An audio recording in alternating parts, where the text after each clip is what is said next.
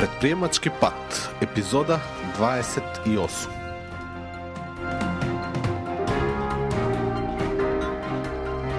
Здраво и голем поздрав до сите слушатели на Предприемачки пат, подкаст на предприемач.com, чија цел е да ви помогне во креирање на ваш собствен и уникатен предприемачки пат.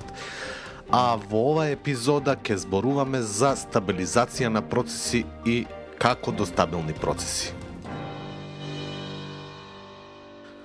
Првата, а може би и најважна цел кога креирате процеси е да обезбедите дека тие ќе функционираат со определено ниво на стабилност. Всушност и целта на секој систем и неговите составни елементи во вид на процеси е да обезбеди стабилизација на функционирањето на компанијата. Иако истата функционира секако во крајно непредвидливи и нестабилни услови. Сега, што представува стабилност на еден процес? На ова прашање можеме да имаме различен пристап во одговарање. Сепак важно е да не се оддалечиме од самата цел на процесот. Зошто креирате или пак зошто имате определен специфичен процес? Која е целта на процесот?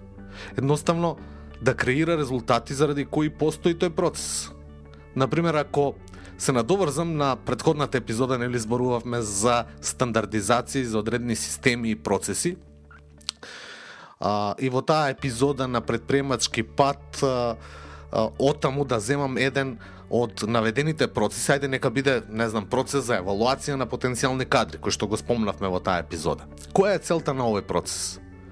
Основната или главната цел на процесот за евалуација на кадри е да обезбеди доволно информации за следниот процес во кој се избираат специфични вработени, а при тоа да се осигура, односно обезбеди дека нема да се направи грешка при изборот. Значи, целта на овој процес е да обезбеди квалитетен резултат во форма на евалуација што пак представува влез во следниот процес, односно процес за селекција на кадри. Сега, стабилноста на тој процес ќе биде присутна ако и само ако тој резултат во форма на евалуација е постојан.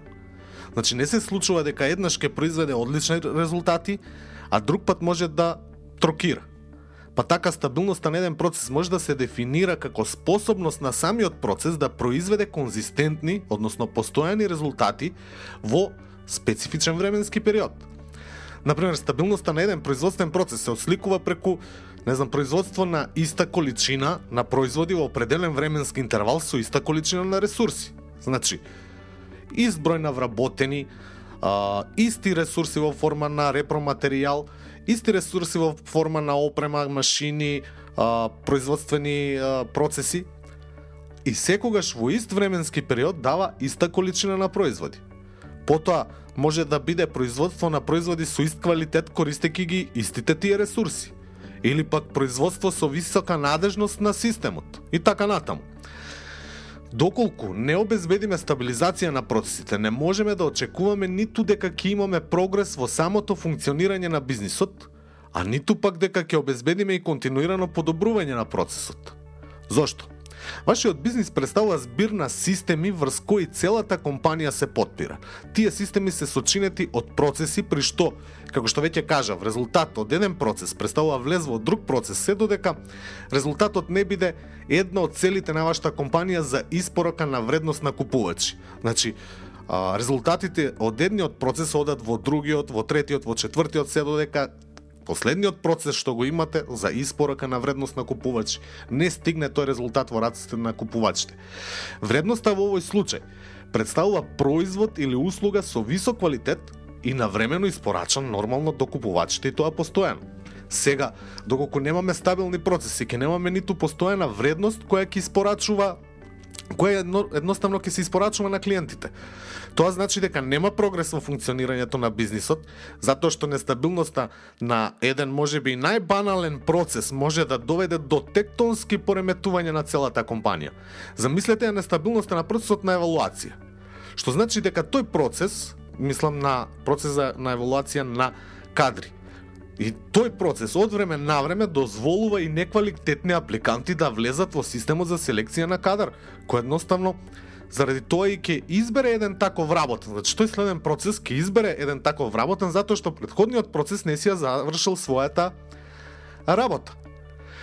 Тој вработен нека има улога да кажеме за контрола на квалитет на производите пред испорака и неговите слабости, затоа што тој така влегол во самиот систем, односно во процесите дозволиле тој да помине различни процеси и да стигне до оваа фаза, И затоа неговите слабости може да доведат до ситуација во која ќе поминат а, неквалитетни производи кои што ќе стигнат до крајниот купувач, што ќе значи незадоволство на купувачот, враќање за доработка, набавка на нови делови кои ќе треба да се интегрират, па дури и во крајен случај откажување на понатаму оваа соработка, па и понатамошна соработка од страна на, на тој клиент.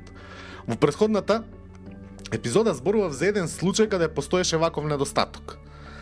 Понатаму, нестабилни процеси не обезбедуваат континуирано подобрување. Едноставно затоа што и вие и вашите вработени станувате лица кои едноставно ќе трчкаат и ќе го гасат пожарот онаму каде што тој се појавува. А ќе се појавува на многу места. Нестабилни процеси се карактеризираат со голем број на проблеми, Едноставно немате време за размислување за континуирано подобрување, освен што ќе се обидувате да воведете барем каква таква, а, не знам, моментална стабилизација на самиот процес. Сега, клучното прашање е како да откриете кои процеси се нестабилни процеси. Ова е клучната работа во започнување а, на еден процес за стабилизација на вашите деловни процеси. Може би а, може да постојат повеќе индикатори сепак вие најдобро ќе треба да ги знаете, но генерално јас би сакал да напоменам некои тука. Прво, воопшто непостоење на системи и процеси е првиот индикатор. Едноставно запрашете се дали имате формализирани системи и процеси. Без разлика е, и доколку вие сте мома за се во вашата компанија, немате многу вработени и така натаму, сепак а, верувам дека не сакате да останете на таа позиција. Непостоење на соодветни системи го прави вашиот целокупен бизнис систем нестабилен. Мојот совет е да започнете со креирање на соодветни системи, прилагодени на вашата компанија и да започнете да ги документирате самите процеси. Само на таков начин ќе знаете што ќе треба да подобрувате. Вториот индикатор може да биде, не знам, висок степен на вариација во перформансите на некој процес или бизнисот како целина. Како што зборува во претходната епизода, нестабилните процеси водат до разлики во време потребно за извршување на некоја работа. Разлики во, не знам, да кажеме, квалитетот. Разлики во потребен репроматеријал. И така натаму. Забележувате колкава нестабилност на севкупното работење носи овој индикатор – Намалување на ваквите вариации ќе се обезбеди единствено преку соодветно стандардизирање на работењето на самиот процес. Понатаму, Доколку забележите дека за имплементација на еден процес постојано се менува планот за негово функционирање, тоа е еден доволен знак дека тој процес не влегува во групата на стабилни процеси. Например, со појавување на проблем во самиот процес, веднаш се менува планот на работа во самиот тој процес, но и плановите за а, работа на останатите процеси кои зависат од резултатот на тој процес. Повторно, стандардизацијата на функционирањето на самиот процес преку јасно дефинирани цели на истиот ќе возможи и секако јасни процедури кои ќе се користат во сите можни ситуации во кои ќе се најде самиот процес. Понатаму, еден начин со кој можете да откриете дека процесот нема стабилност во своето работење е да ги прашате вработените – од, во овој случај одговорни за спроведување на тој и тој процес, за да едноставно ви објаснат како ја спроведуваат работата во самиот процес. Доколку тие вработени користат зборови како што се не знам нормално, така и така правиме, вообичаено, така и така правиме, нај, најчесто така и така правиме. Во повеќето случаи и слично, значи дека процесот не е стабилен процес. Едноставно, таквите одговори се резултат на две и само две причини. Првата причина е дека, иако постојат строго дефинирани процедури за спроведување на процесот, сепак тие не се користат од страна на вработените, одговорни за спроведување на процесот или поради нивната незапознаеност со истите или поради нивното игнорирање. Тоа е веќе простор за ваша работа. Втората причина може да биде непостоење на строго дефинирани процедури со кои ќе се избегнат случајностите кои во моментов преку одговор на вработените ги утврдувате.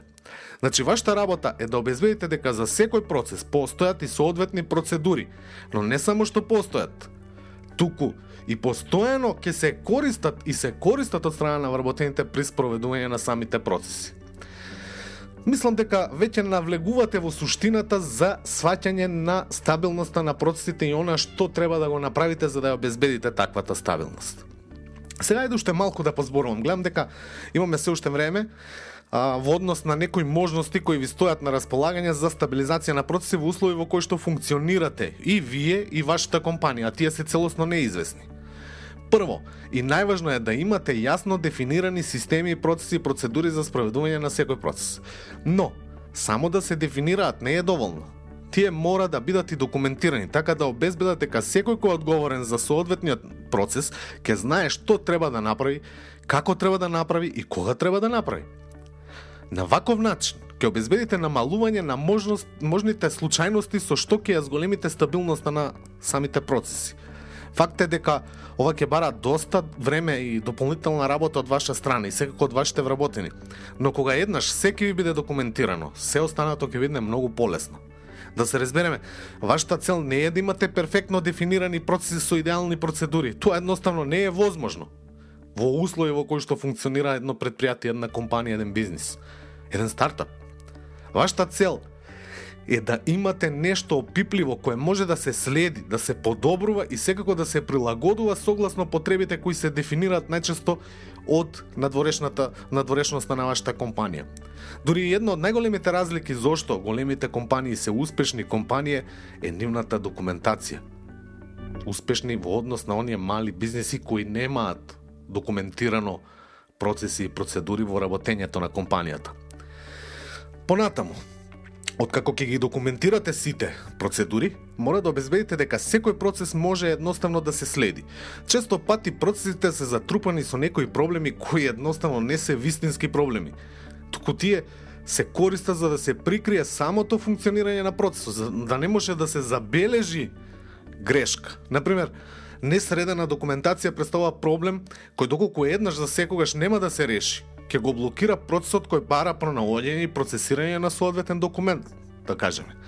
Повторно, предлагам да ја користите 5S техниката со цел се околу секој процес да биде поставено на соодветно место и јасно означено. Значи не е доволно само да имате документиран процес, туку е потребно и самиот процес и блиската околина на процесот да бидат средени долно за да може да се следат онака како што треба да се следат.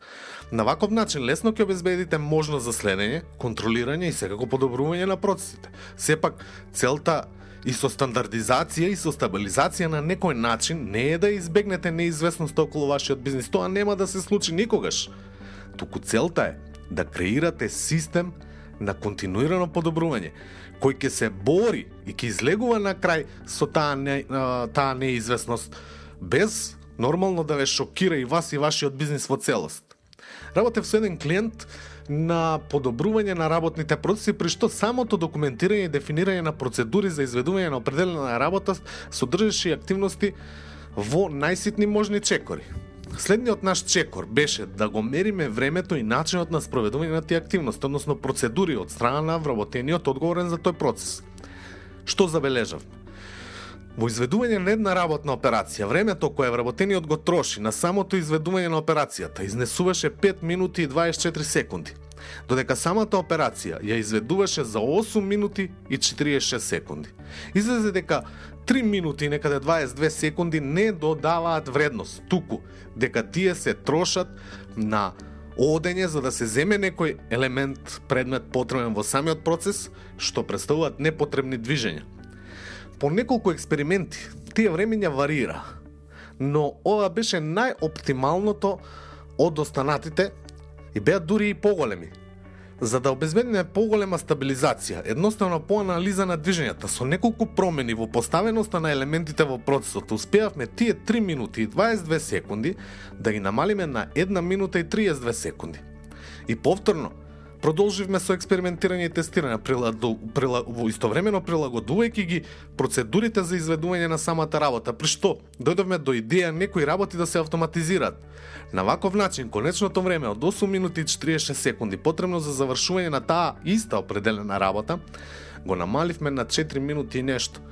Тоа значеше драстично подобрување за таа компанија.